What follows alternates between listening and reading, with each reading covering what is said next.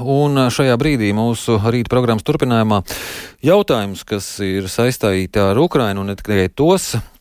Pārunāsim ar Eiropas komisijas priekšstādātājas izpildu vietnieku Valdi Dambrovski no jaunās vienotības. Labrīt! Labrīt! Jā, un šis jautājums par kravas auto šoferu protestiem uz Polijas-Ukrainas robežas, pieprasot atjaunot Eiropas Savienības atļaujas sistēmas, sistēmu. Kas jums zināms par plāniem saistībā ar šīs sistēmas atjaunošanu?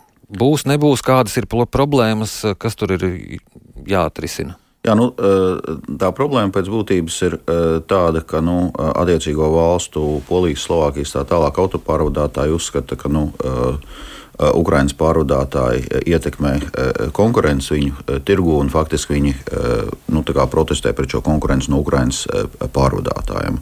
Tad no Eiropas komisijas atbildīgie dienesti arī nu, šajā jautājumā ir iesaistīti, lai tomēr mēģinātu šo blokādi pārvarēt un atjaunot normālu kravu plūsmu starp Ukrainu un Eiropas Savienību. Tīpaši kara apstākļos tas, protams, ir ārkārtīgi būtiski, jo faktiski tas ir nu, tāds būtiskākais koridors arī Ukrainai dažādu veidu preču piegādēji un arī savu preču eksportam. Mm. Un cik ilgu laiku varētu prasīt tātad šo atrisināt? Nu, grūti tagad pateikt kaut kādus konkrētus termiņus. Nu, skaidrs, ka tas ir jāatrisina īsā laikā.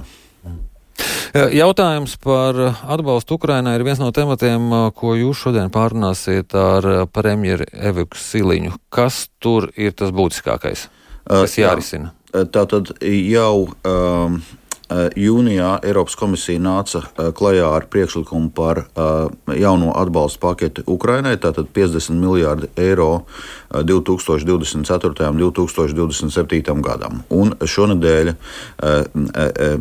Eiropas Savienības samitā līderi lems par, gan par šo atbalstu paketu Ukrainai, gan kopumā par Eiropas Savienības daudzgada budžeta vidustermiņa pārskatu. Un tas, kas ir, protams, ļoti būtiski, lai šī vienošanās par atbalstu Ukrainai beidzot būtu, jo Eiropas komisijas priekšlikums ir bijis jūnijā, pašreiz jau ir decembris, jaunais gads tepat tuvojās, un svarīgi, lai jau no gada sākuma Ukraina varētu turpināt saņemt Eiropas Savienības finansiālo atbalstu.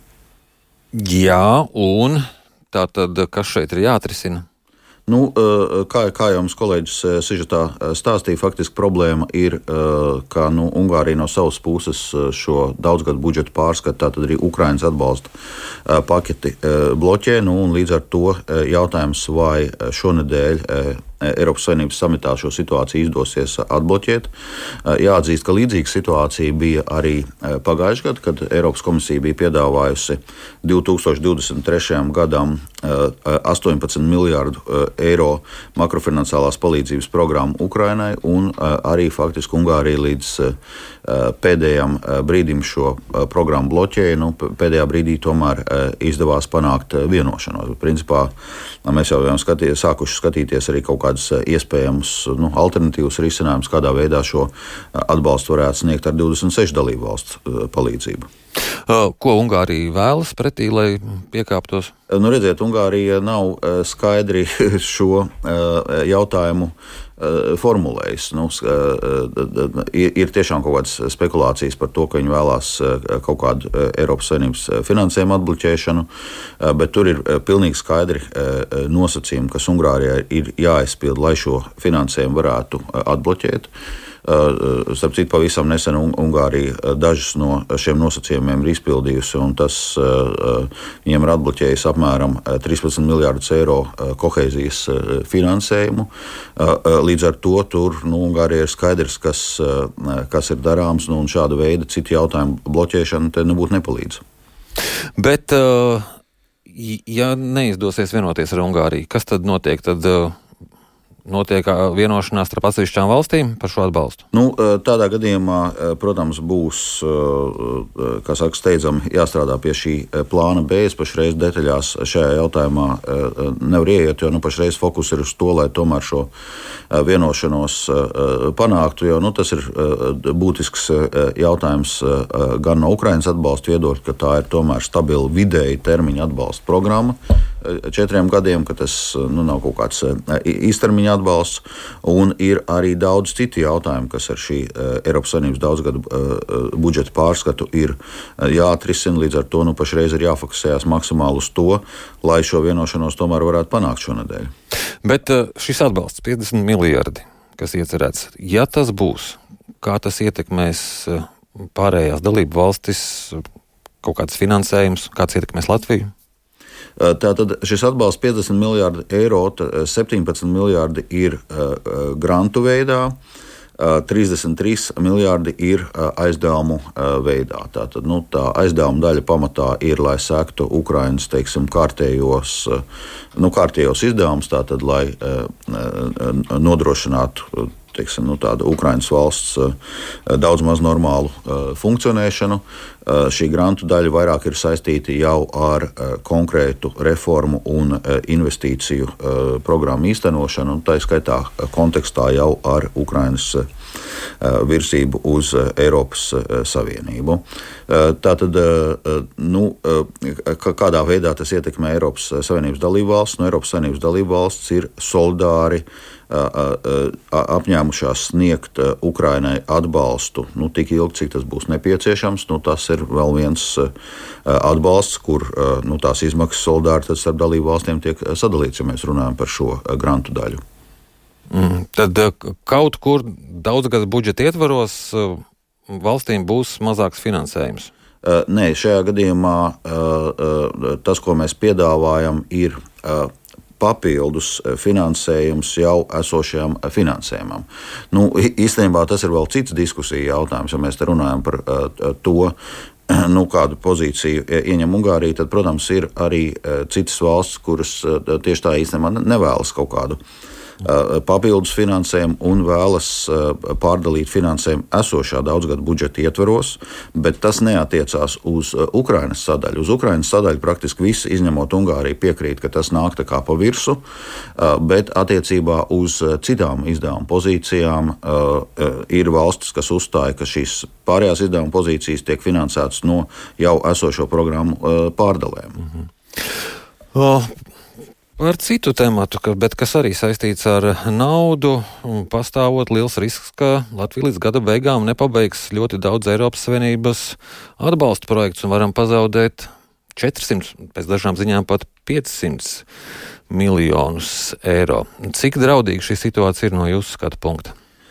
Nu, pašreiz tā tad noslēdzās periods, kad varēja apgūt 2014. un 2020. gada Eiropas Savienības daudzgadu budžeta līdzekļus. Tā nu, saucamais N plus 3 likums, tātad vēl trīs gadus pēc šī daudzgadu budžeta perioda šos līdzekļus var apgūt.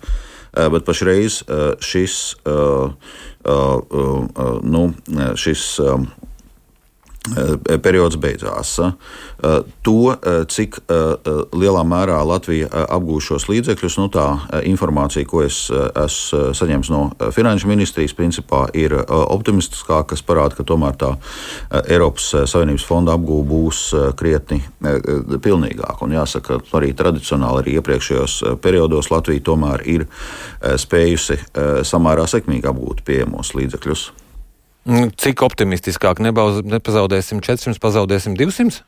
Es pašreiz uh, nevarēšu pateikt jums uh, konkrētos skaitļus, jo īstenībā šis uh, darbs arī vēl joprojām pie uh, šo dažādo rēķinu iesniegšanas Eiropas komisijā pašreiz, pašreiz notiek. Nu, savulaik bijušajam premjeram bija spārnotā frāze: nauda ir tik daudz kā nekad. Tad būs jāpārfrāzē, zaudēsim tik daudz kā nekad. Nu, es nebūtu tik eh, pesimistisks, kā es teicu, ka eh, te, teiksim, sarunās ar Finanšu ministriju varēja redzēt, ka tā fonda apgūta tomēr būs krietni labāka. Un Real Baltica jautājumā te Nu, attiecībā uz Real Baltiku, protams, pašreiz ir iezīmējušās jaunas problēmas. Tātad ir veikts šis pārvērtējams, cik lielas tad kopumā ir šīs Real Baltica eh, projekta izmaksas. Eh, un īstenībā šīs izmaksas ir pieaugušas eh, vairāk kārt. Nu, tajā pašā laikā, protams, pieejamais Eiropas finansējums no tā nav vairāk kārt pieaudzis. Tas finansējums, cik tas no šīs nu, Eiropas Savienības budžeta ir pieejams, tik viņš ir palicis. Tātad, līdz ar to pirmais jautājums pašreiz ir, kā efektīvi izmantot tos līdzekļus, kas paredzēti šajā plānošanas periodā, tātad līdz 27. gadam. Bet, nu, tad, protams, eh, Latvijai un arī pārējām Baltijas valstīm būs ļoti nopietni jāvirz jautājums par arī tālāku Eiropas Savienības finansiālo atbalstu eh, šim projektam pēc 2027. Eh, gada, nu, ņemot vērā arī teiksim, šo objektīvo šī projekta sadārdzinājumu. Uh mhm. -huh.